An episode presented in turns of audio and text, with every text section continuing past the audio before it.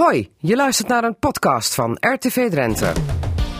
Cassata, Margriet Benak. Het is zaterdag 30 maart 2019. Goedemiddag allemaal, dit is Cassata aflevering 1049 over de windmolenterreur in de Veenkulonië met burgemeester Janse Ton van Borgerodoorn en met windmolenboer Harbert ten Haven. De eerste 100 dagen van de Asser stadsregisseur Kjeld Vosjan. Het radioforum bespreekt het nieuws en speciale tafelgast vandaag is ridder Johan Baltes, die terugblikt op 12 jaar provinciale politiek als VVD-statenlid, maar ook als vicevoorzitter van de Staten. Cassata, Margriet Benak. Radio Drenthe. Windmolenterreur in de Veenkolonie. Daar gaan we het over hebben in Cassata. Met als triest- trieste dieptepunt deze week toch wel de bedreiging van een eh, wegenbouwbedrijf in Nieuwbuinen. Dat zou kapot gemaakt worden als het bedrijf ermee door zou gaan met de werkzaamheden. En het bedrijf zwichtte voor die dreiging. Want het heeft zich onmiddellijk teruggetrokken uit de bouw van windpark De Drentse Monden en windpark Oostermoer. In Cassata praat ik erover met burgemeester Janse Ton van Borgerodoorn en een van de initiatiefnemers van het windpark, dus Harbert ten Haven. Want hoe ver gaat dit nog? Ehm, heren, welkom. Ik ga zo meteen met onze tafelgast praten, maar eerst even een eerste reactie eh, aan u, burgemeester Ton. Ooit gedacht dat het zo ver zou gaan? Nou, gehoopt dat het niet zou gebeuren, maar je houdt wel met heel veel dingen rekening. Als je weet dat er mensen in het gebied zijn die heel boos zijn over de windturbines. En een deel van die mensen bereid was om eerder al sabotage of asbestacties te plegen. Dus ja, dat dit kon gebeuren, dat wisten we. Maar als het dan gebeurt, is het natuurlijk wel vreselijk. Ja, wat dacht u ervan eh, toen u het voor het eerst hoorde? Ja, daar dacht ik van, van dat, dat past niet bij ons gebied. Ehm, en ik dacht ook gelijk aan eh, al die tegenstanders die best wel heel erg boos zijn, maar dit nooit zouden doen. En die vaak eh, eh, door mensen van buiten overeen kan worden geschoren. En daar heb ik heel veel moeite mee. Ja. Harbert ten Haven, u bent een van de windboeren, zeg ik maar even heel plat, maar een van de initiatiefnemers die jaren geleden besloot om samen met boeren te kijken in hoeverre windenergie een impuls zou geven aan het gebied. Was u geschokt? Eh, ik ben eh, daardoor eh, geschokt. Ja, dat had ik niet verwacht op deze manier. Mijn collega's en, en ik zijn bezig om een van de grootste investeringen te doen in het gebied die de, zeg maar in tijden gebeurd is. Die investeringen die hebben ook maatschappelijke betekenis. En ja, ik moet nu constateren dat bepaalde criminele structuren eh, ja, het ondernemers eh, onmogelijk maken. eh, althans, een poging daartoe doen. Van ze kiezen daar uiteraard zelf voor. Maar om, ja, om hiervan af te zien. En Ja. ik vind dat doodzonde voor het gebied. Van het gebied heeft juist investeringen nodig. Maar goed, dat zien anderen anders. Daar gaan we zo meteen uitgebreid over praten, want het wordt maatschappelijk ook behoorlijk ontwricht, het gebied, door de komst van de veenkolonie en vooral ook door de manier waarop die eh, windmolens er komen. Gaan we uitgebreid over praten, want zoals altijd gaan we in Cassata eerst weer even naar de tafelgast. De afgelopen twee weken was hij er niet, maar vandaag wel. Het is ridder Johan Baltes. Oud VVD-statenlid moet ik dan zeggen, want na twaalf jaar provinciale politiek heeft u afscheid genomen afgelopen woensdag. En u was bovendien ook nog vicevoorzitter van Provinciale Staten. Hoe voelt het nou om ridder te zijn? Eh, kleine correctie. Ik, ben, eh, ik heb een koninklijke onderscheiding gekregen, maar het heet officieel lid. Oh, u bent lid de geworden. Orde, oh, ja. lid in de orde van Oranje Nassau. Geen ridder in de orde van Oranje Ridder Nassau. klinkt natuurlijk hartstikke goed. Ja, En eh, hou dat er vooral ook in, maar eventjes voor de goede orde. Nee, dan, het eh, is lid in de orde van Oranje Nassau. excuus, op verkeerde been gezet was ik al. Maar ik, ik keek gelijk naar de revers en ik denk, daar zal hij heel trots op prijken. Ik zie niks. Nee, dat klopt. Ehm, Waarom niet? Ik was niet van plan om dat dagelijks, eh, dagelijks te gaan, eh, gaan dragen. Dat is wat mij betreft voor eh, bijzondere gelegenheden. En ik heb daar allerlei eh, zeg maar, informatie bij gekregen waarin staat hoe het, eh, hoe het zeg maar, gaat. Hè. En daar staat bij, v- sprak mij wel aan. Want daar stond bij eh, eh, zeg maar, dat je dat dan bij voorkeur draagt als je ook een pak aan hebt en stropdas. Dat Oh, staat er letterlijk bij. Dus dat is hartstikke. En, en die draag ik nog. Als ik een kostuum aan heb, heb ik ook Ja. een stropdas voor. Dus dat selecteert zich vanzelf. Dit is gewoon vrije tijd. En daar hoort hij wat mij betreft daar niet bij. Dus zit gewoon veilig in het doosje in de kast. Zo is het. Ja, oké. Twaalf jaar voorbij als eh, provinciaal statenlid. Is het jammer of is het toch ook wel goed genoeg geweest zo? Eh, het is eh, goed genoeg geweest zo. Ik heb het met heel veel plezier gedaan. Ehm, Maar een vierde periode, dat zag ik niet zitten. En wat helpt, dat bij, Maar mag onze, het bij jullie als bij VVD? onze partij word je ook geacht na drie periodes te stoppen. Mhm. En eh, wat mij betreft komt dat dus fantastisch bij elkaar. Ik, eh, ook al had het gekund, had ik het niet gedaan. Nee, hoe oud bent u, met alle respect? Slechts 59. Oh, dus u had nog wel even lekker meegekund, toch? moeiteloos, moeiteloos. Moeiteloos. Aan energie ontbreekt het mij geen zins. Maar, maar ik vind echt na drie periodes komen dingen ook weer terug en opnieuw voorbij. En eh, ja, daar had ik ook gewoon niet zo heel veel trek Nou, meer dat in. werkt toch in uw voordeel? Dan heeft u in ieder geval dossierkennis. Hoeft u niet alles ook. weer opnieuw te bekijken. Dat heb ik ook, maar de VVD-fractie, eh, daar zitten een hoop bekwame mensen in met ook historisch besef. Dus dat zit wel goed. Ze kunnen me missen. Oké. U heeft wel even vier commissarissen versleten in die twaalf jaar. Relis de Beek, overleed in 2008. Toen kwam Sjaak Tegelaar. Ja. Die moest twee jaar geleden vertrekken vanwege een akkefietje. Toen kwam als tussenpauze Josias van Aartsen. Ik schaar hem toch ook maar even in het rijtje van, com- eh, van commissarissen. En dan eh, vervolgens eh, Jetta Kleinsma. Met wie had u het meest een klik? Ja, dat is een lastige vraag. ja, Ehm, maar die kent me toch? Kijk, met de heer Ter Beek, dat was ook mijn eerste periode. Daar, eh, daar had ik nauwelijks contact mee, om het maar zo te zeggen. En met Jacques Tigelaar was dat al wat intensiever. Eh, maar toch eigenlijk met de laatste twee die je noemt, met Josias en met Jetta. En met name ook de laatste. Ja, daar heb ik eigenlijk wel het intensiefst mee samengewerkt. Ook vanwege het feit dat ik in die vertrouwenscommissie zat. Daar was ik voorzitter. En dan is onvermijdelijk dat je elkaar veel spreekt, veel tegenkomt. Eh, dus met die laatste twee had ik het meest contact. Terwijl u toch het langst heeft gezeten met Sjaak Tegelaar. Dat klopt, maar eh, in mijn tweede periode, eigenlijk ook in die derde periode waarin ik vicevoorzitter werd en ook eh, voorzitter van het presidium was, ja, dan heb je automatisch vanuit die rol meer contact met de commissaris. Ja. En daarvoor had ik dat gewoon veel minder. Nee, maar u werd in de tweede periode al eh, vicevoorzitter, toch? Nee, nee, nee. De- nee. de Dat laatste in de periode. laatste, periode. periode. Ja, het voelt misschien niet zo, maar het was Nee, ik uitsluitend had de het idee dat u er al heel periode. lang eh, inderdaad Nee, zat als vicevoorzitter. Maar dan vind ik het toch wel opmerkelijk dat u als vicevoorzitter niet zo'n intensief contact had, kennelijk met Jacques Tegelaar in al die jaren, dan met, met eh, de laatste twee. Nou ja, uw vraag was, hè, met, wie had het meeste klik? Dus, ehm, en het meeste een klik. ehm, nou, ik denk dat ik die vraag beantwoord heb. Ja, nee, is wel duidelijk. Eh, eh, wat laat u achter, voor uw gevoel? Toch ook wel een heel bak ellende met allerlei ingewikkelde dossiers, Eurochamp. eh, Eurochamp is volgens mij opgelost. Oh. Dus dat valt. eh, we valt straks nog wel even mij, verder over te praten. valt volgens mij mee. Kijk, ik heb afgelopen woensdag. mocht ik namens provinciale staten ook nog even terugblikken op de afgelopen vier jaar. En daar heb ik verkondigd, dus dat ga ik nu weer doen. Drenthe staat er goed voor. Mhm. Natuurlijk zijn er voldoende, voldoende uitdagingen, maar Drenthe staat er goed voor. Eh, volgens mij is dat een fantastisch uitgangspunt om mee verder te gaan. Ja, maar da- daar neem ik geen genoegen mee. Drenthe staat er goed voor. Maar ik ga altijd iemand nog uitnodigen om toch even terug te blikken op dingen die gebeurd zijn waarvan je mag denken van nou, dat heeft de politiek toch een slecht imago bezorgd. Met uw welnemen. Ja, Ja, ja. dan weet u wel waar ik naartoe wil. Nou ja, eh, eh, lastige dingen hadden we ook. Het FOC was eh, lastig. Dus vond ik persoonlijk outlet. ook by far het lastigste dossier. Hè? Ja? Met, met, met heel veel verschillende belangen. En ook mensen die zich met die belangen melden bij je. Dus dat, dat, was, dat was heel lastig. De ijsbaan was ook lastig, maar Mm. niet zozeer, ehm, niet zozeer voor ons. Ehm, en alles wat met windmolens te maken heeft. Ik was nog eh, in mijn eerste periode, zeg maar, deelgenoot van het besluit wat in de tijd genomen is. En eigenlijk zijn we daar nog lang niet klaar mee. En het zit zelfs, eh, daarvoor zijn we ook nu bij, bij elkaar, in een hele vervelende fase. Ja. Dus dat zijn wel Goed. zo eventjes terugdenkend dingen die lastig waren. Of je nou meteen moet zeggen ja, dat dat op ons, eh, op de politiek Afstraalt? afstraalt. Ja. Dat, dat weet ik niet, maar Goed. lastige dossiers in ieder geval. Komen zo meteen verder over te praten, want u roerde het al aan, het windmolendossier. Daarvoor zitten uh, Janssen Tom, burgemeester van Borgerdoorn en Harbert ten Haven, windmolenboer hier aan tafel.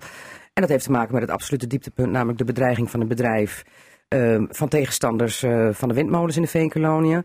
Want uh, burgemeester Janssen Ton, zo kun je toch wel noemen, hè? het absolute dieptepunt, toch ook al in een jarenlange discussie, ook een jarenlange strijd tegen die windmolens, dat nu een bedrijf bedreigd wordt, hè, waarvan letterlijk wordt gezegd dat wat u in twintig jaar heeft opgebouwd, gaan wij zorgvuldig afbreken en daar nemen wij alle tijd voor.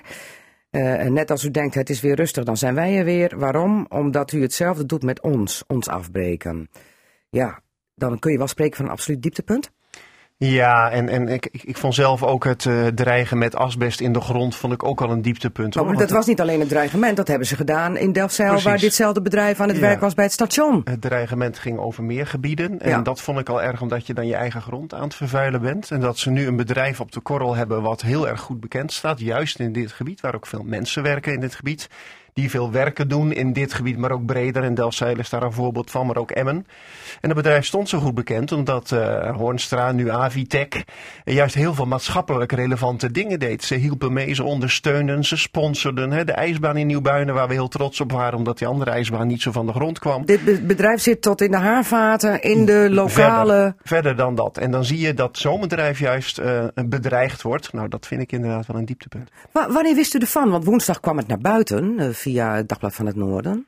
Ja, ik wist het al uh, veel eerder hoor. Eigenlijk direct nadat die brief bekend was. Want wanneer is die brief verstuurd? Dat weet ik niet of ik de vrijheid heb om dat te zeggen. Maar uh, het, zodra de brief bij uh, de Timmermans binnen was, kreeg ik daar al heel snel bericht van. Ja. omdat je ook even wil afstemmen hoe je daar nou mee, mee omgaat. En, ja, Wat dat... heeft u toen gedaan toen u ervan op de hoogte was? Hè? Bent u meteen naar het bedrijf gegaan? ik heb direct contact met hem gehad.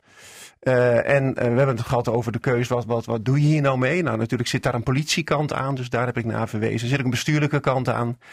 Uh, en um, nou ja, daar heeft hij uiteindelijk een keuze in gemaakt. Ja, maar had u gedacht dat hij zou zeggen van, ik, ik trek me op basis van deze dreigbrief terug?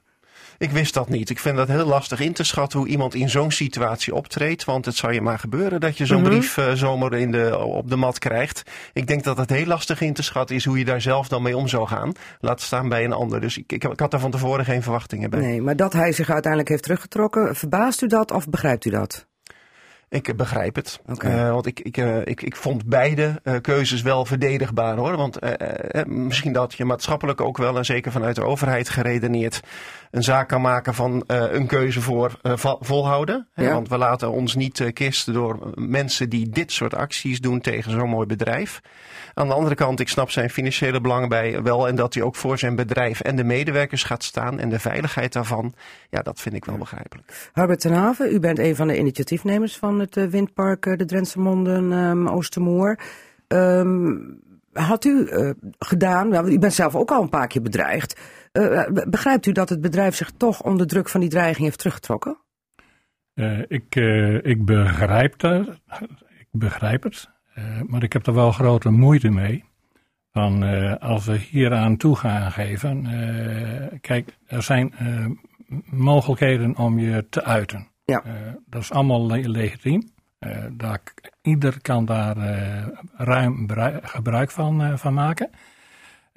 als je naar middelen grijpt die niet bij onze democratie horen ja, dan moet je daar in principe afstand van nemen. Van doe je dat namelijk niet, dan ga je grenzen over die je mogelijk uh, met heel veel pijn en moeite weer kunt herstellen. Ja, maar die grens is nu overschreden. Die is overschreden en persoonlijke vrijheden van mensen zijn aangetast op een criminele manier. En daar mag je niet bij neerzetten, nee. neerleggen. Hoe het ook is, er zijn andere middelen. Ja. En in onze situatie heeft de Raad van State meerdere keren gesproken. Uh, dan moet je op een gegeven moment daar ja, moet je bij neerleggen. Ja, Doe je dat niet, dan ga je de kant van ja, ga je een verkeerde kant op. Ja. En als je gaat, dat gaat tolereren, dan ga je als, als rechtsstaat ga je afglijden. Hm. Heeft u nog contact gehad met het bedrijf? Want u, u had, ik zeg het maar even voor de luisteraars, u had wel wat anders aan uw hoofd, want u bent net geopereerd aan een hersentumor en zit nog midden in een traject van bestraling en chemo erachteraan. En dan komt dit erbij. Heeft u zelf nog uh, de mogelijkheid gehad om met het bedrijf contact op te nemen?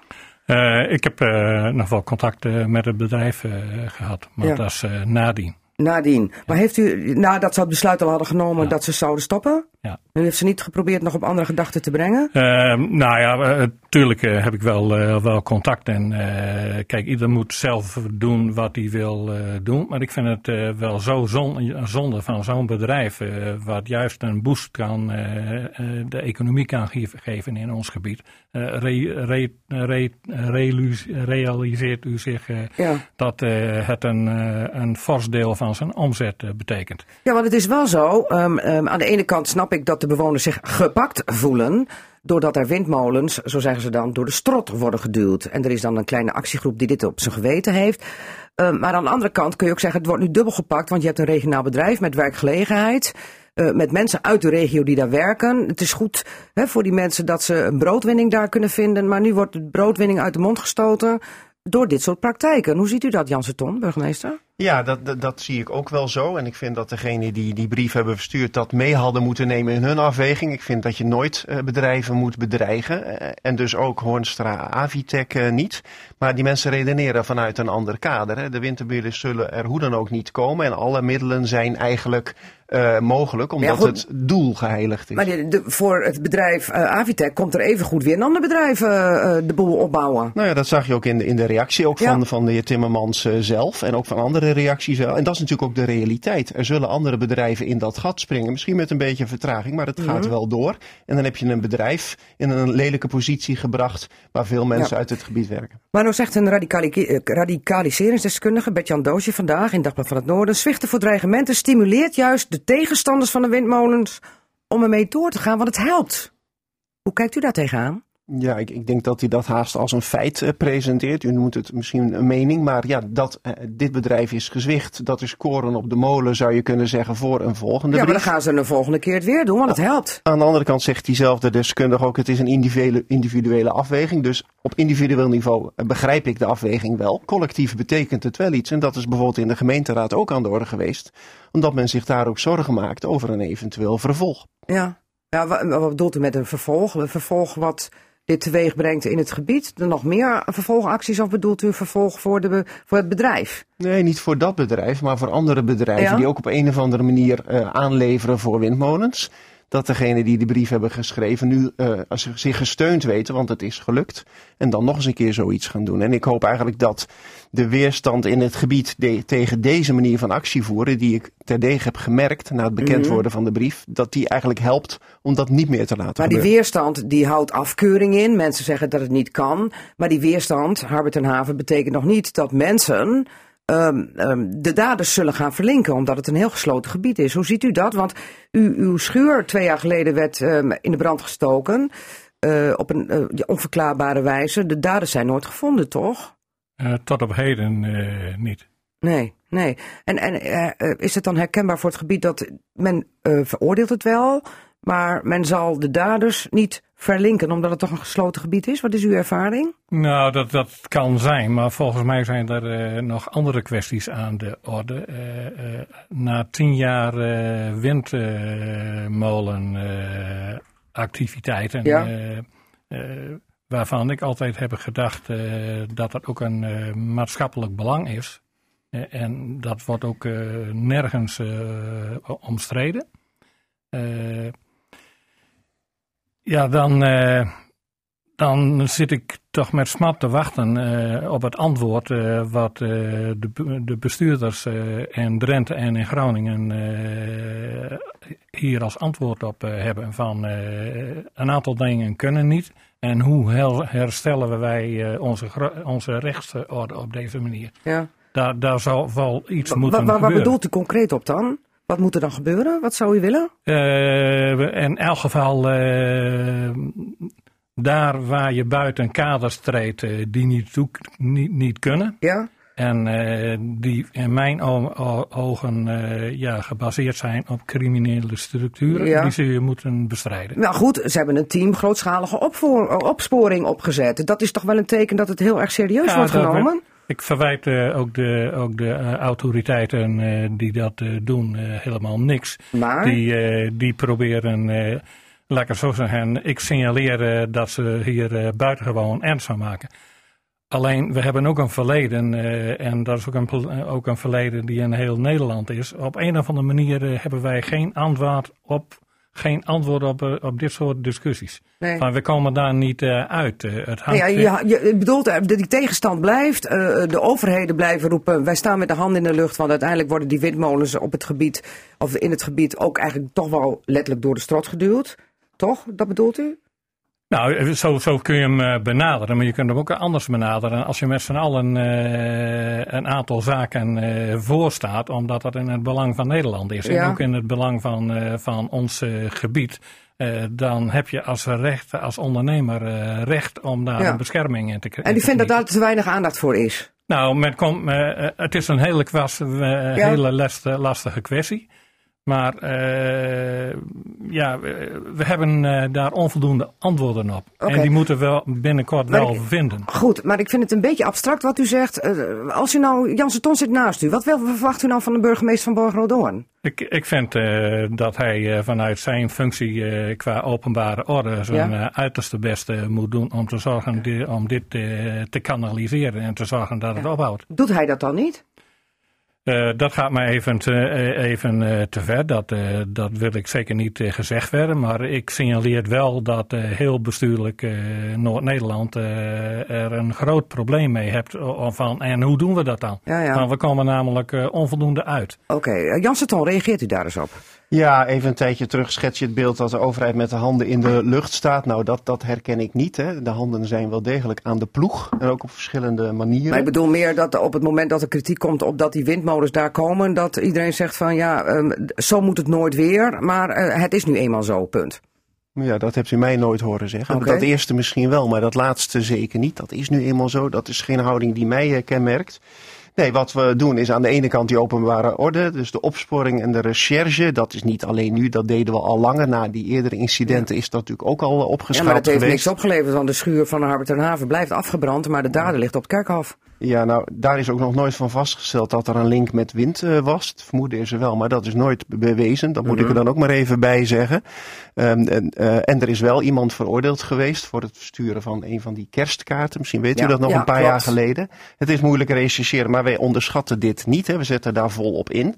Aan de andere kant, wat ik veel interessanter vind, is hoe zorgen we er nou voor dat de mensen in het gebied voor en tegenstanders met elkaar in gesprek komen over dingen die we wel goed kunnen doen in het Ja, veenkoloniale maar dat heeft u gebied. gedaan met de commissaris, met Jetta Kleinsma. Bent u uh, in gesprek geweest. Alleen, ja, eh, die gesprekken zijn geweest en dan gebeurt dit. Dan denk ik, nou, die gesprekken hebben ook niet veel opgeleverd, burgemeester als u, Saton. als u de illusie hebt dat gesprekken van gematigde voorstanders met de commissaris ertoe leiden dat mensen die criminele plannen hebben dat niet meer doen, Nee. dan leeft hij in een andere wereld dan ik. Dat zijn twee verschillende dingen en die gesprekken zijn niet geweest, Want die zijn die nog groep, steeds bereik, gaande. die, die, die groep bereik je toch niet met gesprekken? Nee, die, zijn, zo- zijn er helemaal niet in geïnteresseerd. Uh, vind ik niet trouwens meer jammer. Nou, dat, dat is een punt wat u daar aanroert. Want er zijn natuurlijk koepels van tegenstanders. Ik, uh, ik bedoel niet de criminele tegenstanders, maar georganiseerde tegenstanders. Die zijn er. Ja, dat is uh, de, de groep uh, Tegenwind en uh, Platform Storm. Ja, en ik vind het belangrijk dat ik met hen in gesprek blijf. Want ik wil ook met deze mensen en ook mijn inwoners gewoon in gesprek kunnen Ja. blijven over hun opvatting. Ik ben het niet altijd mee eens, maar dat maakt niet uit. Dus ik ben met ze in gesprek, tenminste dat wil ik. Nou, een tijd geleden komt er vanuit Platform Storm een brief waarin ze zeggen: die gebiedsraad waar u mee bezig bent, dat moet u maar niet doen gezien ervaring elders. Nou, dat is een legitiem uh, standpunt. Ja, maar die zet alweer de hak in het zand. want Dat betekent eigenlijk dat ze helemaal niet mee willen Nou, praten over wat je voor het gebied kan doen. Het ging even over met elkaar in gesprek Ja. komen. Inhoudelijk ben ik het niet met ze eens, maar ik vind het een legitiem standpunt. Laten we dat onderscheid eh, erin houden. Dus die brief was ook aan de burgemeester gericht. Dus ik zei, Mhm. nou dan wil ik wel met u in gesprek. Dat was ook in de laatste alinea het aanbod. Van als u een toelichting wil, zijn we daartoe bereid. Dus ik bellen, maar eh, ze willen niet met mij in gesprek. Eh eh, Jannie Boer, wou ik ook graag. Om de zoveel tijd spreek ik daarmee. Dus ik dacht, Ja, de grote aanvoerder hè, ja, dus ik ga eens weer een keer een kopje koffie met hem drinken. We kunnen het ook persoonlijk prima vinden. Maar zo'n gesprek wordt dan ook afgehouden. Dan denk ik, dat helpt niet om met elkaar in het gebied verder te komen. Is er niet de-escalisering nodig, vooral door die georganiseerde groepen die u net noemde, Tegenwind en Platform Storm, om te zorgen uh, dat die daders hè, die achter deze dreiging zitten en alle andere gebeurtenissen al, hè, uh, uh, de vermoedelijke brandstichting bij Harbert en Haven in de landbouwschuur, asbestverspreiding, betonblokken met ijzer in, in, in akkers en nog meer toestanden, zouden die niet wat meer deescaleren moeten werken? Ja, nou Doen die er genoeg aan? Wat ik hoor aan uitspraken en dingen die met oorlog te maken hebben, heb ik trouwens sowieso grote moeite mee. Verwijzingen naar de Tweede Wereldoorlog vind ik absoluut niet passend in dit debat.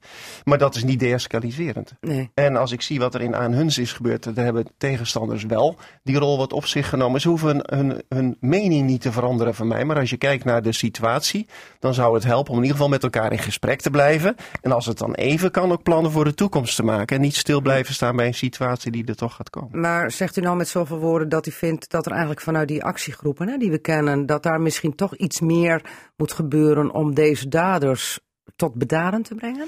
Nou, dat vind ik lastig, want dat zou suggereren dat zij ze aan een touwtje hebben. En dat, dat weet ik helemaal niet. Ja, maar dat zegt ook nu voor altijd. Ik heb ze niet aan het touwtje, maar ik begrijp het wel. Waarvan ik altijd zoiets heb van er is een dubbele agenda. Nou, dat, dat hij dat eerste zegt, dat, is, dat geloof ik dan wel, hè, dat hij ze niet aan een touwtje heeft. Ehm, maar dat begrijpen, kijk, ik ga ook een heel eind in het begrip voor tegenstand. Heel ver, want ik begrijp dat mensen daar boos over zijn. Zelfs de minister heeft in de Kamer aangegeven dat het zo niet had moeten gaan. Maar er zijn een paar mensen die net een stap verder gaan en dan houdt mijn begrip op. Ja, ja. Harbert ten Haven, even tot slot. In hoeverre ehm, heeft u er vertrouwen in dat de daders hiervan gepakt worden? Aangezien er veel meer gebeurd is en dat er alleen maar een, twee daders zijn gepakt voor kerstkaarten. Wat misschien wel het minst erge was. Maar nog Eh, steeds erg. Ik, Maar eh, ook erg, ja.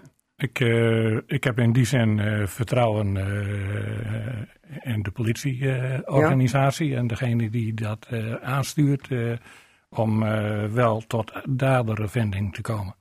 En dat is niet, niet eenvoudig, dat is lastig, maar de manier waarop eh, dit nu wordt aangepakt, eh, hoop ik dat dat eh, succesvol is. En in de tussentijd extra bewaking in het gebied, zodra die windmolens, hè, de testmolen, daar is men mee bezig. eh, zodra de, de bouwwerkzaamheden allemaal verder gaan. Nou, die extra bewaking, eh, die doen we sowieso al. Van wij durven het risico niet te lopen om dat niet te doen. Nee, nee. Dat is op zich ook al heel merkwaardig. Gewoon eh denk eens na wat dit allemaal betekent. Ja. Ook voor ondernemers die eh, zich sterk, sterk maken om zo'n plan te realiseren. Ja, maar eh, hoe dan ook, u zwicht als initiatiefnemers niet voor dit soort terreurdaden. Ik vind eh, dat het eh, mijn plicht is om daar niet voor te zwichten. Wij gaan afwachten eh, hoe dit eh, verder afloopt en of de daders eh, opgespoord zullen worden. Die twee tips, weet u daar iets meer van, Janse Ton? Nee. Eh, nee? Nee? U weet het wel, maar eh, ik zie het aan uw Ik neus. en u lacht erbij. Maar u wordt wel op de hoogte gehouden, neem ik, Ik word aan. goed op de hoogte houden, zeker als het om bedrijven of personen in mijn gemeente gaat. Ja. Oké. Goed, wij houden de boel ook nauwlettend in de gaten wat daar gebeurt in de Veenkolonie. Burgemeester Jansen Ton van Borgerdoorn en Harbert ten Haven, een van de windmolen-initiatiefnemers. Dank u wel voor uw komst. En wat gezondheid betreft, heel veel sterkte. Dank u wel. Zometeen praat ik over de eerste 100 dagen van de binnenstandsregisseur Kjeld Vosjan van Vaart in Assen. Want wat is er inmiddels tot stand gebracht? Zit er wel een beetje vaart in Assen? Nou, in elk geval eh, binnenkort al in de stijgers op de kop van de vaart een Venetiaanse Rialto-brug. Want dat wordt een nieuwe eyecatcher straks in combinatie met een grote Italiaanse schilderij tentoonstelling Sprezzatura in het Drents Museum. Kjeld Vosjan, vertel alles over die mooie Venetiaanse brug. Goeie, goedemiddag. Goedemiddag. De Rialto-brug krijgen we hier gewoon in Assen. Ja. En niet over de vaart helaas, dat was iets te ingrijpend, maar wel eh, voor de vaart, op de kop van de vaart. Ja, maar dat is het eerste waar ik aan dacht. Dan krijgen we een brug en dan op de kop van de vaart op het droge. En de Ja. brug hoort over het water. Ja, ja, ja, eigenlijk hoort het wel zo, maar weet je, soms moet je ook gewoon eh, even pragmatisch zijn. En die, eh, die, die was echt een brug te ver. Ja? Ehm, Nou, of die, een brug te duur. brug te duur, kan Ja. ook, kan ook. Mm. Maar deze is echt als symbool voor Sprezzatura, waar we natuurlijk de komende maanden, vanaf juni tot en met eh, november, begin november, hopelijk veel van gaan zien en beleven en proeven. En wat is de filosofie achter deze Venetiaanse brug? Nou, we hebben een prijsvraag eh, uitgezet. Hè. Eh, toen Sprezzatura bekend werd dat die in eh het Drents Museum aan de slag zouden gaan, hebben we een prijsvraag. Daar hebben, ik geloof, 12 tot 14 eh, kunstenaars op 12 gereageerd. ja. 12 die hebben gezegd, joh, eh, ik heb een hartstikke idee. eh gejureerd en daar kwam eigenlijk deze als eh, meest sympathieke of meest symbolische uit naar voren. Maar waarom het meest symbolisch? Nou, omdat je hier, eh, eh, eh, deze heeft een grote eh, interactiegehalte. Je kan namelijk over de brug, je kan er eh, eh, loving locks aan hangen. eh, dus het is een hoog oh, die, die, die, interactiegehalte. Die, die, die, die, slotjes. hangslotjes. Ja, ja, ja, je kan De slotjesbrug. eh, we, we verwachten dat het een populaire selfie-spot wordt eh, in, in Assen. Dus, Oké. eh, en ik, ook nog iets met gondeltjes, net Ja. zoals in Venetië. ja, ja, ja, ja, zijn we nog aan het uitdenken. Maar in ieder geval onderdeel is dat er een aanlegstijger in, in de vaart komt. Waar een echte Italiaanse of Venetiaanse gondel neergelegd wordt. Ehm, om ook dat natuurlijk Italiaanse sferen Maar met die gondel kunnen wij dan het Asserwater verkennen? Nou, kijk, dat moeten we nu even uitwerken. De- het idee is er. ehm, en uiteraard gaan we daar verder over nadenken. Hoe dan en wie dan. Eh, maar die gaat natuurlijk niet alleen stil liggen, die gaat ook gebruikt Oké. worden.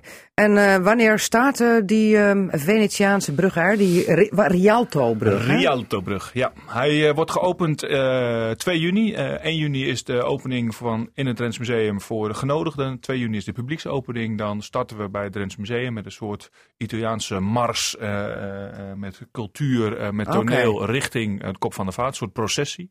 En dan wordt het beeld ergens begin van de middag aan de Kop van de Vaart onthuld. En maker is Assenaar Steve Ellis. Steve Ellis, ja. ja. Ook de bedenker volgens mij van de ijsbaan op het Kopmansplein. Klopt, ja, bedenken van het ijsbaan. En Steve heeft ook onder pseudoniem dit idee ingediend. Want hij dacht van, nou, als mensen weten dat ik Steve Ellis ben, dan weet ik niet of het goed komt. Dus hij heeft onder Leonardo van der Heijden, met een knipoog naar Leonardo. Italië, een knipoog naar Italië en een knipoog naar Drenthe van der Heijden, ehm, eh, het initiatief ingediend. En, eh, dus dat was eh, wel, wel grappig om mee Oké, en dat was voor de jury geen reden om te zeggen van het is fraude, de verkeerde naam Nee, af, nee, afgestreept. Nee. Oké, we gaan zo meteen verder praten over allerlei zaken die we gaan zien.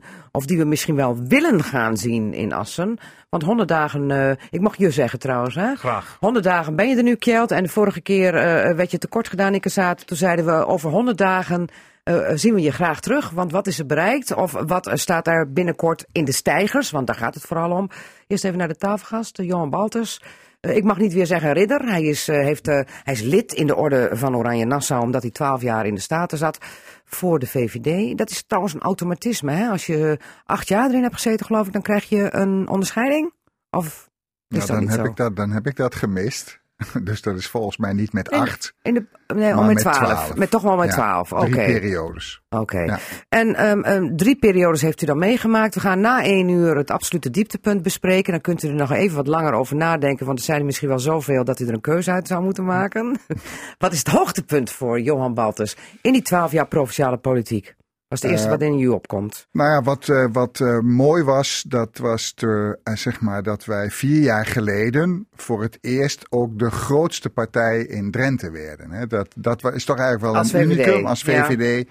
De P van de A was historisch altijd de grootste, jarenlang zelfs verreweg de grootste. En vier jaar geleden kregen wij het voor elkaar om, ik geloof, met een hele kleine meerderheid, iets van 140 stemmen. 149 meer, stemmen. 149. Ehm, en toch maakt dat een groot verschil. Hè? Als je vanaf dat, de grootste partij is ook in de lead. Daar waar het gaat om de coalitievorming en de programma's. En ehm, nou, dat, dat was bijzonder. Dat was ook leuk. Eh, leuk om mee te maken. En ehm, ja, een trendbreuk. Nou, Ja. die zijn over het algemeen goed. Ik heb laatst geconstateerd met Kees Bijl dat een historische fout is rechtgezet. Omdat namelijk eh, dat de PvdA niet de grootste werd in Drenthe. Dat het vooral kwam omdat men geen aansprekende kandidaat uit Emmen had. En met Kees Bijl nu als lijsttrekker werd Ja. dat natuurlijk helemaal rechtgezet. Ah, en nu waren er toch wel een paar duizend stemmen meer voor de PvdA dan voor de VVD. Nee, dat klopt. Ik heb ook afgelopen woensdag, ik refereerde daar net al even aan, aangegeven dat de P van de A zich behoorlijk herpakt heeft. Ja. Dat hebben ze goed gedaan. Maar niettemin was dat voor ons toch een bijzonder moment dat wij voor het eerst de grootste werden in Drenthe. Ja. Ehm, eh, eh, even heel kort, alvast even een voorschotje op na één uur. U had het al even over het FOC, Factory Outlet was een worsteling voor ons. De ijsbaan was een worsteling voor ons. Met welk dossier heeft u zelf persoonlijk het meest geworsteld, wat, waar ook de woordvoerder over bent? Waarvan u dacht van, eh, grijze haren krijg ik ervan. Ehm, nou ja, ik heb eh, zelf heel veel eh, eh, het woord mogen voeren over water en waterbeheer en alles wat met openbaar vervoer en wegen te maken heeft. En daar moet ik echt heel goed nadenken om eh, ehm, hè, de transfering bij de punt vond ik wel lastig. Dat hele grote Maar- wat steeds Nou kleiner nee, werd en wat er ik, nu nog ik probeer steeds niet ook is. gewoon spontaan even wat. Groningen Airport Eelde was ook altijd roeien tegen de stroom in. Ja. Dat, dat ging ook nooit vanzelf. Eh, dus ik was, was eh, en daar was ik ook woordvoerder voor. Ik was eigenlijk dus niet zozeer hoofdpijn, maar altijd wel moeilijk. Waar ik me altijd aan gestoord heb en eigenlijk nog, is dat eh, jarenlang volgens mij de grootste vijand van Groningen Airport Eelde, dat was de politiek zelf. Ja. Hè, er hoefde maar iets te gebeuren of eh, opnieuw ontstond er re- reuring in de politiek en werd zeg maar, het voortbestaan van Groningen Airport Eelde door diezelfde politiek in twijfel getrokken. Ja, ja. En als je dan al van plan bent om te investeren op zo'n locatie en je me- merkt telkens dat de politiek in die zin onbetrouwbaar is, dan helpt dat niet. Dus ik was Nee. hartstikke blij dat we recent, zeg maar voor de komende tien jaar, een investeringsprogramma hebben eh, vastgesteld. ja. Maar inmiddels moet ik wel eh, erkennen dat dat ook niet zaligmakend is. Want opnieuw, Ja. zeg maar, hobbelt Zit het weer en- tegen, Nordica verdwijnt. Gaan we straks uitgebreid over hebben. Over dat eh, dat eh gevoel bij Johan Baltus. Want nu naar Kjeld Vosman, Vosjan, moet ik even goed zeggen. Eh, heeft u, heb jij ook niet eens dat eh gevoel omdat Assenaren zeggen van... Nou is de vaat in Assender, binnenstadsvereniging. Nou is er een Kjeld Vosjan. Ik zie helemaal niks gebeuren daar in die Ja. binnenstad. Ja. ja, ik heb dat gevoel zeker ook. Het ligt stil. Ja, ja, ja. ja dat Hoe klopt. komt dat? Ja, ik stel altijd de vraag van wat verwacht, wat verwacht je dan? Hè?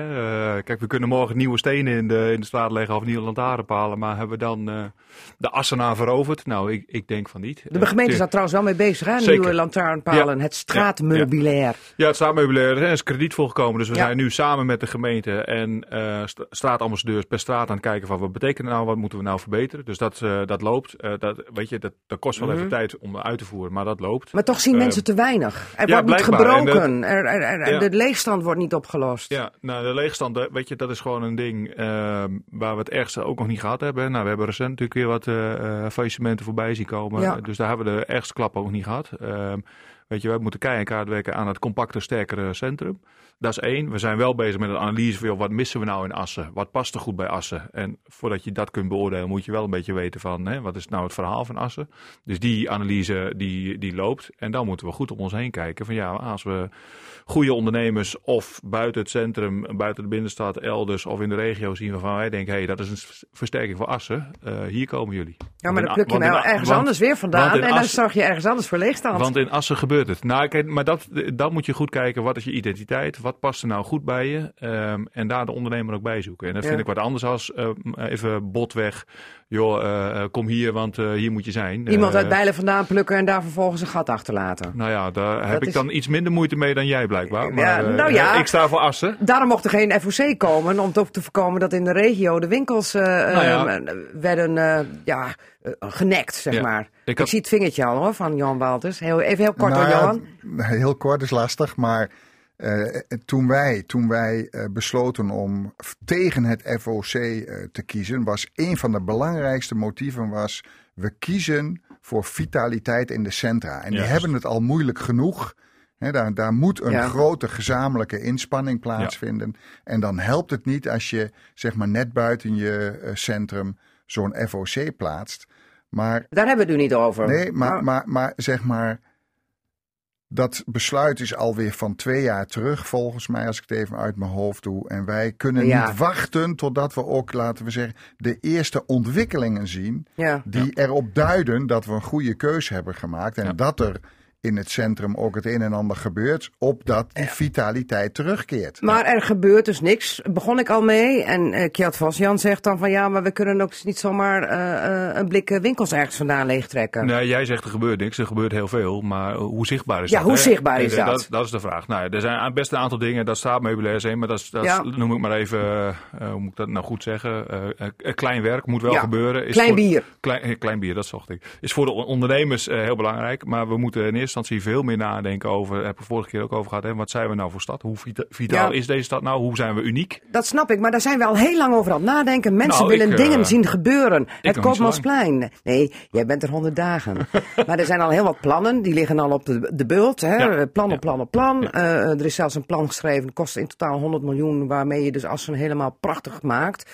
Wat zijn nou dingen die het eerst gaan gebeuren waar we echt wat aan kunnen zien? Waarvan jij kan zeggen, mensen, even geduld, dan gebeurt dit. Vertel. Nou, Koopmansplein noemde je net al. Hè? Daar lopen nu, eh, de ontwerpfase loopt nu. Daar Ja. hebben we voor de zomer een winnend ontwerp. Waar alle inwoners, ik geloof zelfs ondernemers, vastgoedeigenaren een stem over kunnen uitbrengen. Er zijn vier partijen, gerenommeerde partijen, die daar nu een, een Ja. ontwerp voor maken. Ja. Daar hebben we nog geen nieuw plein, hè? want dat is jouw volgende Nee, vraag maar mensen willen zien, die stenen moeten eruit getrokken worden. Er gebeurt iets. Ja, de wethouder wil het graag dit jaar nog doen. Ik heb gezegd, dat lijkt me niet handig. Want dan zitten we net in de, in de goede periode waar de, waar de centen verdiend moeten de worden. Straks- december inkopen. Juist, dus eh schuif er nou even door tot januari. Dus eh, begin volgend jaar, begin 2020, moet de schop in de grond voor het nieuw Koopmansplein. Maar voor die tijd gebeurt er iets op het Koopmansplein. Ja, voor die tijd willen we natuurlijk, hè, want het duurt nog maanden. En wij eh, zien natuurlijk ook dat je de tijd niet hebt om eh, maanden te wachten. Dus wij hebben bedacht met elkaar, met de gemeente, met de ondernemers, om eh, het TT-circuit natuurlijk, nou ja, een van de symbolen en uniek in, eh, in Nederland, kan ik wel zeggen, ehm, om dat zichtbaar te maken op het, eh op het Koopmansplein. Dus we hebben, ik geloof 8 mei, ergens begin mei, pin me niet vast op de datum,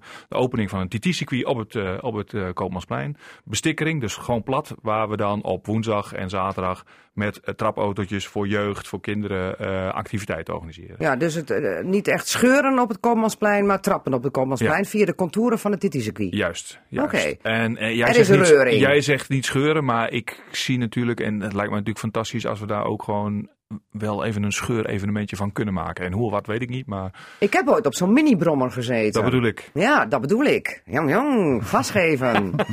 ja, Maar goed, dat is iets eh, eh, wat eh, ehm, eh, nou ja, letterlijk zichtbaar wordt. Maar nogmaals, we kunnen veel meer waarde. En daar moeten we niet lang over praten. Hè. Voor de zomer hebben we daar als goed duidelijkheid over. Ook met de gemeente. Joh, wat is ons profiel van Assen?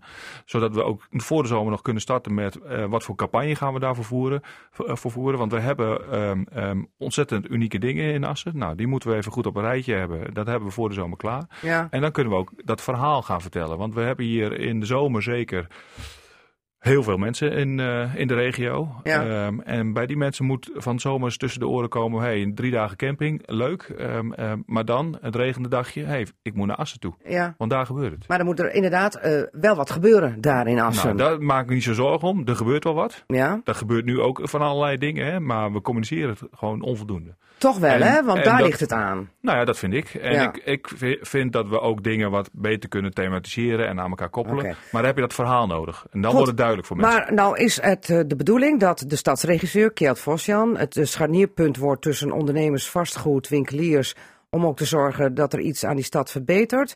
Even heel kort nog. Ja. Eh, nou is het forum als eerste aan bod na het Koopmansplein. Ja. Maar daar gebeurt ook nog steeds niks. Nog steeds de half, half gebied leeg. Er wordt heel hard getekend op dit moment. Door? Door De Zwarte Hond. Hé, hey, daar hebben we hem weer. Eh, Een bekend eh, architectenbureau geloof ik hier in ja, Assen. station al gedaan, Ja. eh, de nieuwe kook gedaan. Ja, en ja. de Zwarte Hond gaat dus bezig met het forum. Nou, die zijn in opdracht van de eigenaar bezig. Van, joh, hoe kunnen we hier weer een goede plek van maken? En ook dat kost even tijd. Dat is niet eh, op een maandagochtend even schetsen en klaar. Eh, maar het eerste schetsontwerp zal binnenkort wel eh, bij de gemeente terechtkomen. En ja, weet je, dat is ook weer een volgend stapje. En dan begint denk ik langzaam, hoop ik ook, het besef bij heel veel mensen van... hé, hey, hier gebeurt wat. Oké. En wanneer is de stad klaar? De stad is nooit klaar. Nee, dat dacht ik al. En we hebben nu eh, een, een samenwerking, ook financiering voor, voor de komende eh, drie jaar, geloof ik. Ehm, wij zijn nu al bezig. Ja, weet je, als we drie jaar verder zijn, dan is de stad nog lang niet klaar. Nee. Dan beginnen we eigenlijk net. Dus wij moeten nu al aan het kijken, wat gebeurt er? Wat gebeurt er in de regio? Hoe kunnen we middelen? en Hoe kunnen we positie claimen ook voor eh, na over drie jaar? Eh, eh, tijd is alweer voorbij. Eh, er zit zeker vaart in Assen. Alleen qua communicatie mag de vaart er wel een beetje in. Ben ik met jou eens. Oké. Met Wij gaan jou volgen op de voet. En wij gaan scheuren over dat Koopmansplein. In zo'n trapautootje, maar het liefst op zo'n brommer. Margriet Benak. Nou, Johan Baltus, u bent nog 49, 59 jaar jong. Oh, zomaar tien eraf. Eh, eh, eh, en nog een hele wereld voor u. Valt u nou in een zwart gat naar Provinciale Staten? Twaalf jaar lang? Eh, tot nu toe niet. En ik heb eerder Het is maar gezegd... een paar dagen tot nu toe Ik heb niet. eerder gezegd, het zwarte gat longt en ik zie er geweldig naar uit. Ik heb de afgelopen jaren ook, eh, eh, ik heb het altijd met plezier gedaan. Eh, maar tegelijkertijd is het zo dat je aan een heleboel andere dingen ook weer niet toekomt. En het zou maar zo eens kunnen dat daar nu wat meer ruimte voor En wat gaat zijn die ontstaan. andere dingen dan waar u Nou, niet aan toe komt? ik, ik sport heel graag. eh, Welke sport? eh, wielrennen, tennissen, mountainbiken ook. Dat is weer iets anders dan wielrennen. Want er ligt een nieuwe uitdaging in Wijster voor u te wachten. die heb ik, al, heb ik al een keer bedwongen. Oh om ja? het maar zo te zeggen. De- ja, die heb ik al Bult? bedwongen. Col, Ehm, Col du Vam heet ja? Dus, dus ik heb eigenlijk geen eh, als er iets is waar ik me geen zorgen over maak, dan is dat of ik de tijd wel ingevuld krijg. Ja, ja. Wat- dat, wat- dat, dat, is, eh, dat, ja, dat gaat zeker lukken. En je weet ook maar nooit wat er verder nog weer op je pad komt. Nee. Dus ja, Stel eens voor, iets misschien in de lokale politiek in Emmen? eh, dat ligt niet voor de hand. Nee, waarom niet? Nou ja, als ik dat had gewild, dan had ik mee kunnen doen of mee moeten doen bij de gemeenteraadsverkiezingen. En dat Ja. heb ik bewust niet gedaan. Ik was maar kan- lijstduwer, maar meer ook niet. Maar dat kan misschien over een paar jaar dan wel. Oh, maar zo ver kijk ik nog niet vooruit. Nee, eerst maar eens even genieten van het zwarte gat. Zo is het. Oké. Zo is het. Maar wij gaan toch nog even genieten van 12 jaar Johan Baltus. Ehm, nou ja, genieten. Een hoogtepunt hebben we wel gehad. Eh, wat is nou het, eh, het- iets waarvan u de afgelopen 12 jaar heel wat droevig van werd? En dat u dacht van hou er nou toch eens over op. Ehm, nou ja, in, in het vorige deel heb ik iets gezegd over Groningen Airport Eelde Ja. en hoe de politiek daarmee omgaat. Daar heb ik me aan gestoord.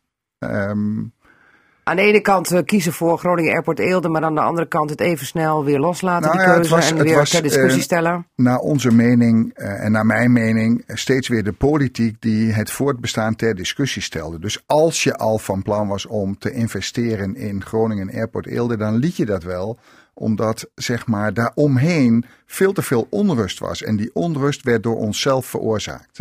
Eh, dus ik, eh, ik was blij dat dat eh, investeringsprogramma nu het heeft gehaald. Ja, van 46 miljoen. Maar ook dat merk je in de hectiek. En als dan zo'n Nordica weer afvalt. Dat meteen iedereen er weer bovenop vliegt. En meteen er weer discussie is of bepaalde investeringen nou wel of niet door moeten gaan. Dus kortom, het is de rust die je zou willen rondom Groningen Airport Eelde, die is er nog niet. Nee, u zegt dan eigenlijk als Johan. Baltus, we hebben de keuze gemaakt. We kiezen ervoor om als overheden of aandeelhouders er gezamenlijk geld in te investeren. Voor de toekomst van Groningen Airport Eelde. En dan is er één tegenslag en dan zijn er bepaalde politieke eh, eh, ja, partijen, maar je zou kunnen zeggen in de provincie Groningen vooral misschien, die meteen gaan roepen van we moeten het on hold zetten, want die komt niet goed. Precies, over dat soort, eh, over dat soort zaken heb ik het. Ja, ja. Ja. Maar eh, nou heeft u ook eh, het Eurochamp dossier, eh, dossier meegemaakt. Ehm, u zei al in het eerste uur van, nou wat, is mij bet- wat mij betreft is het klaar. Maar volgens mij is het nog niet helemaal klaar, omdat er nog altijd een, een oud-journalist is die nog steeds bezig is met allerlei rechtszaken. Heeft u van dat dossier niet dus gebaald, omdat de politiek op die manier er toch wel gekleurd op kwam te staan wat daar in het Ja, provinciehuis allemaal gebeurde? Zeker. Dat, eh, Want niemand kan nou vertellen waar het over ging eigenlijk. Kijk, achteraf zijn een heleboel dingen eenvoudig, maar achteraf eh, heb ik zelf wel spijt dat we er überhaupt aan begonnen zijn. Het begon ooit met er is gelekt en oei, oei, oei, dat kan toch niet? Nou, het begon ooit met, er- fraude, met fraude en er was een rapport en toen Ja, werd dat er was, dat was, dat, dat was daar nog weer voor. Maar ehm, nogmaals, achteraf is alles makkelijk. Het heeft heel veel energie gekost, heeft heel veel tijd gekost. Het heeft eigenlijk tot nu toe volgens mij alleen maar slachtoffers gekend. Heel veel verhoudingen, Ehm, politiek gezien, kapot gemaakt. Ook Destijds. ook. eh, maar volgens mij, en daarom zei ik dat in, de vorige, eh, in het vorige deel. Josias van Aartsen, eh, die is een tijd lang waarnemend commissaris geweest. Heeft niet alleen maar op de winkel gepast. Hè, die heeft ook gewoon leiding gegeven. En hij heeft het Eurochamp dossier volgens mij afgerond. En dat er nog een paar zaken lopen. Maar wat ons betreft is het, eh, eh, ja, is het afgerond. Eh, ik eh, ik eh, heb u ook meegemaakt anderhalf jaar geleden, want u was voorzitter van de Vertrouwenscommissie toen Jetta Kleinsma's naam bekend werd als nieuwe commissaris. Als heel boos en, en eh, toch wel dat er, met, dat er ten onrechte heel erg veel eh, negatieve zaken werden uitgestrooid over Jetta Kleinsma toen haar benoeming bekend werd. Toen heeft u hier in Cassate gezeten en toen was u daar Ja. heel boos over. Terecht die boosheid nu anderhalf jaar later? Nou, eh, Gezien wat ze nu het doet? Gaat, het gaat niet om mijn gelijk. Kijk, Nee. ik stoor me aan de manier waarop, eh, eh, in ieder geval ook via social media, we met elkaar omgaan. En, ehm, eh, en we, we hebben de ervaring op meerdere zaken dat er dan ongelooflijk met modder wordt gegooid en ook nog anoniem, heel vervelend, soms bedreigend, maar in ieder geval grof, beledigend. En daar kun je je ook eigenlijk helemaal niet tegen verweren. En eh, dat was toen ruimschoots aan de orde. Ruimschoots aan de orde. Ehm, inmiddels kun je volgens mij vaststellen dat mevrouw Kleinsma stevig in het zadel zit als CDK. Eh, er was toevallig recent een onderzoek waaruit blijkt dat zij in vergelijking met haar collega's in het land, verreweg in de provincie, verreweg de meeste bekendheid dat geniet. klopt. En eh, dus ik denk, ja, eh, eh, al die kritiek die er was, daar hoor ik nu nagenoeg niets meer van. Dus nou ja, in die zin, eh, nogmaals, het gaat niet om mijn gelijk. Nee, nee. Maar ik vond dat in de tijd ongepast. En volgens mij heeft zij zelf laten zien uit welk hout ze gesneden is, hoe ze haar werkzaamheden doet. En wat ik daarvan meekrijg is dat daar veel waardering voor is. Ja, ja. Zeg maar, eh, Jetta is de juiste vrouw op de juiste plek. Zeker. Ja. Is er nog iets, eh, eh, twaalf jaar staten, wat u nog kwijt wil voordat we onze tanden zetten in het nieuws van afgelopen week? Een, een, een erfenisje van Johan Baltus, zeg maar. Nou, ik op deze vraag niet voorbereid. Ja, Ehm, maar dat is juist het leuke, gewoon even spontaan. Ja, nou ja, even spontaan zeg ik eh, ehm, toch nog. eh, de fout die ik maakte toen ik zeg maar twaalf jaar geleden begon, is dat je heel erg je best doet om alles te lezen en de dossiers te kennen. En dat kost ongelooflijk veel tijd, waarvan ik achteraf zeg, zeker de helft van die tijd moet je eigenlijk buiten doorbrengen. In gesprek met organisaties, in gesprek met mensen. Eh, daar leer je meer en daar steek je meer van op dan de dossiers vreten, als ik dat zo mag zeggen. Ja, ja. Ga naar buiten toe, luister Ja. naar de mensen Ja. en zit niet met die neus in de Je paparazzi. kunt politiek bedrijven zonder dat je alles van A tot Z leest. Ja. Met wat voor gevoel ging Johan Baltus destijds, twaalf jaar geleden, die provinciale politiek in? Waarom? Wat was de drive? Ja, ik heb altijd een sterke drive gevoeld om ook mee te doen. Ik kende de politiek, ik werkte bij de gemeente. eh, had altijd respect voor zeg maar dat ehm, ehm, in de politiek ook lastige keuzes worden gemaakt. Ja. Op de verjaardag is alles makkelijk, dan is het zwart of wit, je bent voor of tegen. De wereld is eenvoudig en in de politiek merk Ja. je dat dat niet zo is. Daaraan bijdragen, dat heb ik altijd prachtig gevonden. Daar heb ik ook altijd respect voor gehad. En dat gebeurt nog steeds. Viel het mee of viel het tegen? Ik heb er van genoten van het begin tot het eind. Oké, goed. Fijn dat u ervan genoten heeft. Nou gaan we ook genieten van heel wat anders. Cassata, het radioforum. Want we gaan naar het radioforum en een speciale tafelgast maakt dan deel uit van het radioforum. En dan wordt het gewoon Johan. Is dat goed? Vooruit dan. Goed. eh, verder aan de radioforumtafel van Casata zitten. Eh, Jacob Bruintjes, voorzitter van de Partij van de Arbeid geweest Drenthe en ik woon in Borger. En Willemie Meeuwissen, ik ben fractievoorzitter van de VVD in de Provinciale Staten. En ik kom uit Assen. ja, eigenlijk is het niet helemaal eerlijk, want de PvdA Jacob Bruintjes, maar die kan wel tegen de stootjes, zit ingeklemd tussen twee VVD'ers in het radioforum. Maar ja, dat is niet Ook dat kan ik aan. Ook dat kan die aan. ja, ja. Ehm, ehm, even serieuze zaken. Eh, een triest dieptepunt deze week in het nieuws. Namelijk eh, de bedreiging van een lokale ondernemer uit Nieuw-Buinen. We hebben net in het eerste uur ook over gesproken. Wiens bedrijf ten gronde zou worden gericht als hij verder zou gaan met het leveren van werkzaamheden aan de windmolenbouw in de Veenkoloniën. Jacob Bruintjes, zelf woonachtig te Borger op de rand van de Veenkoloniën. Nou, wat zeg jij daarvan? Ja, de- ik vind het heel verschrikkelijk. Eh, ik ken Ben Timmermans goed. Eh goede ondernemer die met zijn, eh, echt met zijn ziel en zaligheid in dat bedrijf zit. Die ook met zijn ziel en zaligheid betrokken eh, is op, op de maatschappelijke omgeving en ook op het uh, veenkoloniaal gebied. Die heel veel mensen werk verschaft. en die zelf ook ontzettend hard werkt. Dat weet ik van, ik van dichtbij gezien. En iemand die op die manier in de maatschappij staat. Ik was kort geleden nog in Buinenveen, waarbij het centrum van Buinenveen werd heropend, heringericht. Waar hij met zijn bedrijf ook weer een bijdrage aan geleverd heeft. De ijsbaan in Nieuwbuinen. Allemaal dingen waarin hij soms voortrekker is of anders meedoet en helpt. En soms ook op de achtergrond wat niemand ziet.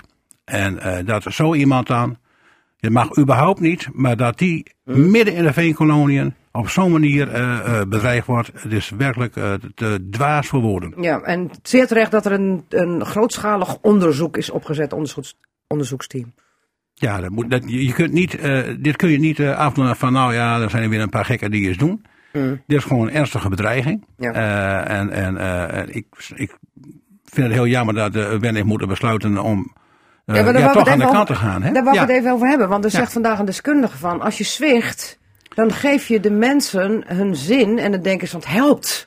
En Willem Nou, maar- Meeuwsen die knikt. nee, maar Ben Timmermans is ook een verantwoordelijk ondernemer. Hij heeft de verantwoording voor eh, al die mensen die bij hem werken. Ja. En zijn eh, gezin? als hij gewoon en zijn gezin. En als hij thuis in zijn woning zit en er gebeurt iets met zijn Mhm. werknemers in, in Delfzijl of waar dan ook.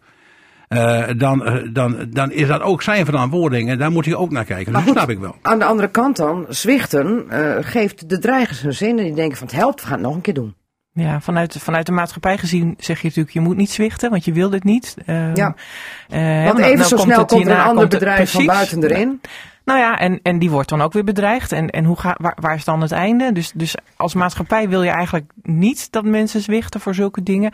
Maar ik begrijp het heel goed dat je de afweging maakt en dat je denkt, ja, wat, eh, het komt wel heel dichtbij. Dus, dus ik, ik begrijp het heel goed dat je dat toch doet. Ooit verwacht dat het zo ver zou komen? Dus eh, nou ja, verwacht? Nee, eh, zeker niet gehoopt. Ehm, ehm, dus ik vind ook heel goed dat het nu eh, eh, goed onderzocht wordt. Eh, ik hoop echt dat ze binnenkort de mensen pakken die hiervoor verantwoordelijk zijn. En dat die gestraft worden, want nou, dit kan gewoon niet. Nee, Johan Baltus?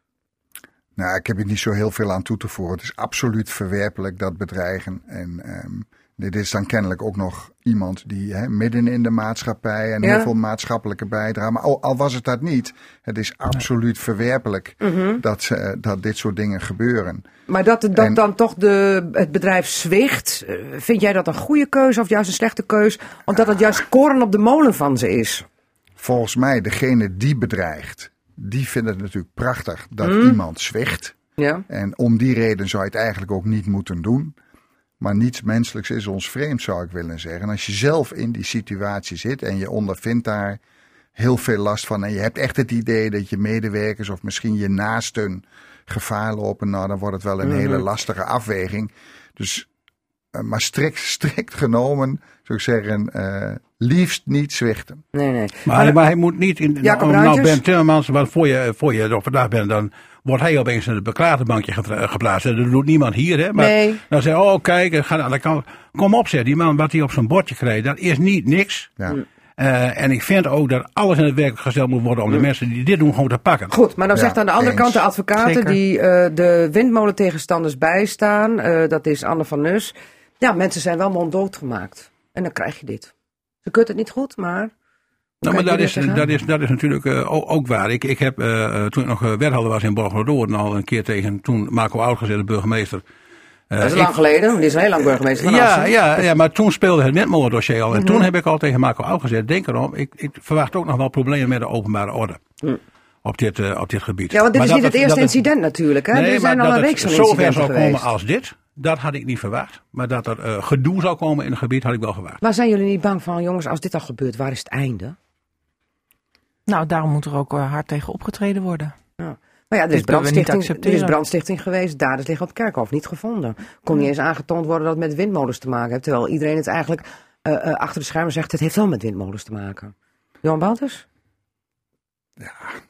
ook weer. eh, het is, dat is lastig. Hè? Hmm. Ehm, je zegt van ze, zijn, ze liggen, daders liggen op het kerkhof. Het kan maar zo zijn dat er toch nog, eh, ook, ook verderop in de tijd, toch nog dingen helder worden. Ehm, dus ik, ik, ik denk niet dat het feit dat ze nu nog niet gevonden zijn, dat dat wil zeggen dat daar nooit helderheid over komt. Nee, maar Ik dat je dus bang moet zijn voor meer. Ja, ik, dit, je kunt niet uitsluiten.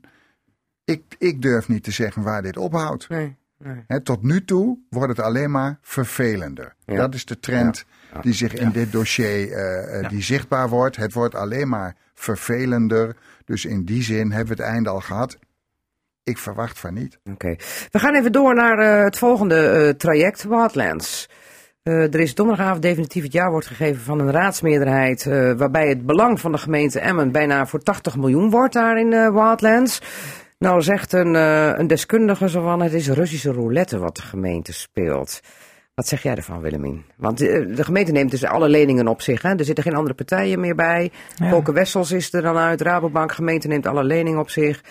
Dus niemand anders kan zomaar de stekker eruit trekken. Russische roulette, zegt een deskundige. Hoe kijk jij er tegenaan? Ja, dat weet ik niet. Ik, ik weet nog wel dat ik net in de Staten zat, eh, eh, acht jaar geleden. Toen hebben we het hierover gehad, over dit dossier. Want toen werd ons als provincie gevraagd om geld eh, te geven voor Wildlands.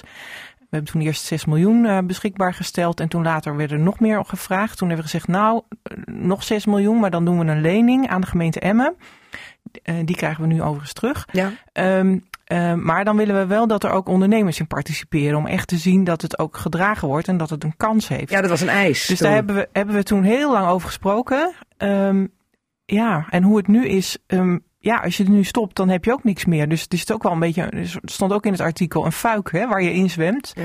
Zo voelt het ook wel. Rug tegen de muur gevoel. Ik snap ook wel van de gemeente dat ze zeggen: ja, we hebben hier zoiets moois in handen, dat willen we niet laten vallen. Ja, hoe het uitpakt, ik weet het Nee. werkelijk niet. Nee, Jacob Bruintjes? Ja, de, de, de uitdaging eh, zal zijn voor eh, de gemeente om aan de ene kant de zaak in de gaten te houden en aan de andere kant het ook mogelijk te maken dat Wildlands gewoon als een bedrijf gerund wordt. Ja. En niet als een, eh, wat, wat, wat Johan zei over, eh, over Eelde, hè, over het vliegveld. Dat bij elke eh, eh, ontsnapte aap of elke tegenvaller op welk terrein dan ook. Er weer uitgebreide discussies in de raad ontstaan, moet dat allemaal wel. Dat men ook ruimte en tijd geeft eh, aan Wildlands om dit nou ook door te ontwikkelen. Moet je wel vertrouwen hebben in het team wat daar de boel gaat runnen. Nou ja, dus daar, daar, daar, daar kan ik me voorstellen dat je daar eh, de discussie over voert. Maar altijd dan eenmaal eh, uitgesproken is van nou, die mensen gaan het doen. Dit is het plan, daar staan wij achter. Geef dan ook Wildlands de kans om dat te doen. En dat Emmen niet eh, de boel failliet laat gaan, om het maar even heel eh, kort door de bocht te zeggen, dat snap ik ook. Want eh, dat alternatief wordt over het algemeen weinig over doorgesproken, maar dat zou een vermogen aan geld kosten. Ja. En dan zou iemand anders het kopen, een bedrijf. En dan heeft hij weer gekopen een bedrijf in handen. Dus ik snap wel dat Emmen daar even goed over nadenkt. En of het altijd in overheidshanden moet blijven, daar kun je een vraagteken bij stellen. Maar voorlopig moet het wel even op deze manier. Op zich is het een, wel een slimme set op dit moment. Johan Ja. Baltus knikt ja. Ja. in, in- Ja. in deze situatie wel. Ja. Ja. Eh, waarom Johan? Nou, enerzijds omdat ze. eh, het is nu 80 miljoen, maar ze zaten er al voor een heel groot deel Ja, in. Hè? Dus la- laten 63 we niet miljoen. net doen alsof ze van niets eh, plotseling eh 80 miljoen. eh, maar nu zijn zij de enige hebben. partij die erin zit, zodat maar anderen niet een, maar... van de, een van de argumenten is dat ze zeggen, eh, door die leningen over te nemen, kunnen we ze ook eigenlijk weer aanbieden tegen gunstige voorwaarden. Mm. Hetgeen weer gunstig is voor de exploitatie. En dat is nou precies wat je op dit moment nodig hebt. Hè, Mm. Je moet draaien aan de knoppen die ervoor zorgen dat die exploitatie gunstiger wordt. Dus dat heeft ook met aantrekkingskracht, wat je aanbiedt. En het, moet, het product moet deugen, de prijs moet deugen, eh, de kosten moeten deugen. Maar Nou ja, da- die- heren, dit is allemaal niet uit Weelde. Het valt toch allemaal wel bizar tegen, hè, met Wildlands. Nou, dat zou nooit mijn tekst zijn. Oh. Nee, nee, dat het, nee dat, maar dat het, laten we zeggen, ehm eh, achterblijft bij de verwachtingen. Ah. Dat is hartstikke waar, maar bizar. Nee, het is een mooi park Ah. met veel perspectief, veel werkgelegenheid, een enorme impact voor eh, de regio Zuidoost-Drenthe. Eh, ik snap heel goed dat de gemeente Emmen zijn stinkende best doet om dat overeind te houden. Ja, dat Want heeft echt ook echt nogmaals, wel het potentieel, hoor. is prima. Ja. Ik ben er een paar maanden geleden met mijn dochters geweest. Die zijn op zich al groot, maar we hebben, we hebben echt een hele leuke dag gehad. Oké. Er is zoveel te zien en te beleven. Het is hartstikke leuk in elkaar gezet. Je, je, je valt van de ene verrassing in de andere. En ja, ook de achtbaan viel in goede aarde, dat ook. Ja, Toch niet letterlijk, gewoon- Ah, grapje. Ja, Goed. nee, maar eh, dus het heeft echt wel potentieel. Dus, dus ja, dat moeten we zeker niet afschrijven. Eh, we gaan even heel snel naar het laatste onderwerp, want anders eh, hebben we geen tijd meer voor. Voorkeurstemmen. Een, een vrij fenomeen. Eh daar word je met voorkeurstemmen gekozen. Drie van de drie in de Staten zouden met voorkeurstemmen gekozen zijn. Komen er toch niet in. Dat is Henk Otter van Forum voor Democratie als lijstduwer. Ja, die gaat ook de Eerste Kamer in, is daar lijsttrekker voor. En Adinda Bornkamp van D66, die op plek drie staat, maar die dan toch voor de raad kiest. Dan denk ik van, als je met voorkeurstemmen gekozen wordt, moet je er dan eigenlijk niet in gaan zitten, Johan Baltus? Het, het- primaire antwoord is ja. Ja. Ja, hè? Ja, En toch doen ze wel. het niet. Nou, ik vind verschil.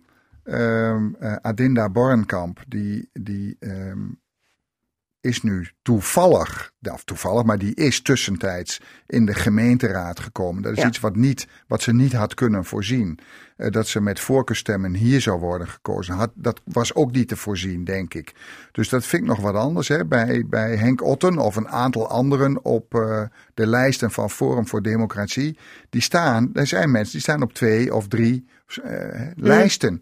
Dan weet je op voorhand al Ja. zeker dat als je wordt gekozen, dat je twee anderen zou moeten teleurstellen. Want je kan maar op één plek tegelijk zijn. Ja, maar zou je Dat dus ik eigenlijk dat dus een systeem op de hobbel orde. moeten, eh, moeten eh, of op de Nou helling moeten ja, zetten? In dit land uh, uh, doen we dat soms uh, vaker. Hè. Dan gaat er iets mis en dan, zeggen, dan moet het systeem veranderen. kennelijk laat het systeem dit toe. We moeten denk ik even kijken of dit nou een incident is. Omdat het Forum ook heel graag ja. de positie in de Eerste Kamer wil. Als het een incident maar is. Ik ben nog even naar de andere, Johan. dan hoeven we het niet te veranderen. Maar als dit regelmatig gebeurt, dan denk ik, dan moeten we wel okay. kijken of het systeem. Wat vind jij, Willemien? Ja. Hadden ze erin moeten gaan zitten of niet? Um, nou ja, ja, niet voor niks Als je op nummer drie staat, dat is eigenlijk wel het signaal van ik wil erin. Kijk, ik kan me nog. Ik moet zelf zeggen, ik heb ook op de gemeenteraadslijst van Assen gestaan vorig jaar onderaan. Omdat ik vond dat er zo weinig vrouwen op de VVD-lijst stonden. Ja, het was niet de bedoeling dat ik in de Assenraad kwam. Dus ja, ja. ik ben er zelf ook schuldig aan. Hoi. Maar ik zag ook alle wethouders van Sterk Lokaal erop staan. Terwijl ik dacht, ja, die wethouders gaan hun baan niet opgeven voor een statenzetel. Nee, dus, dus, dus moet je er eigenlijk niet van af. Dus dat vind ik dan ook wel weer raar. Ja, nou ja.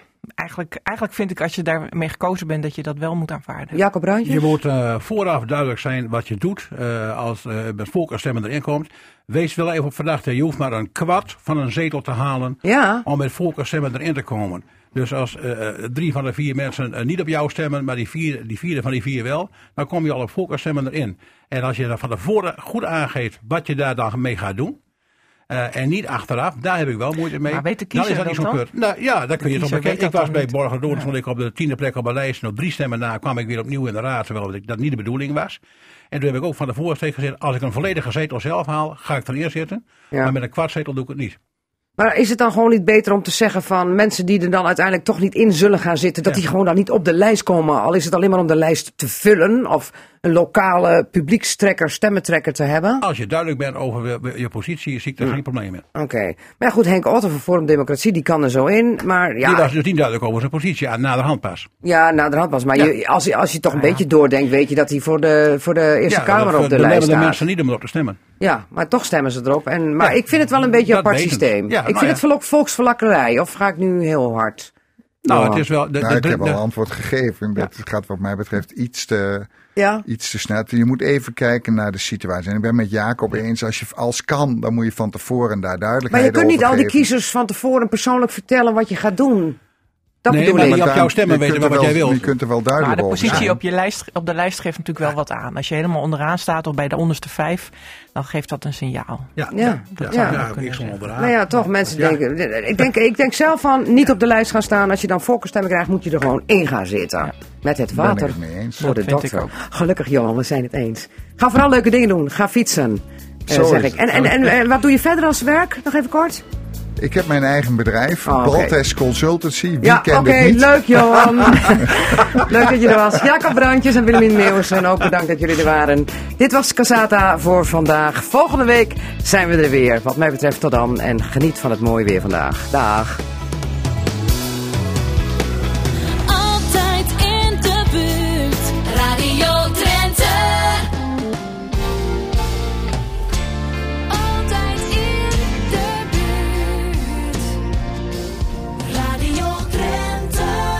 Je luisterde naar Casata. Dat is te beluisteren als radioprogramma op zaterdagmiddag, maar sinds kort ook als podcast.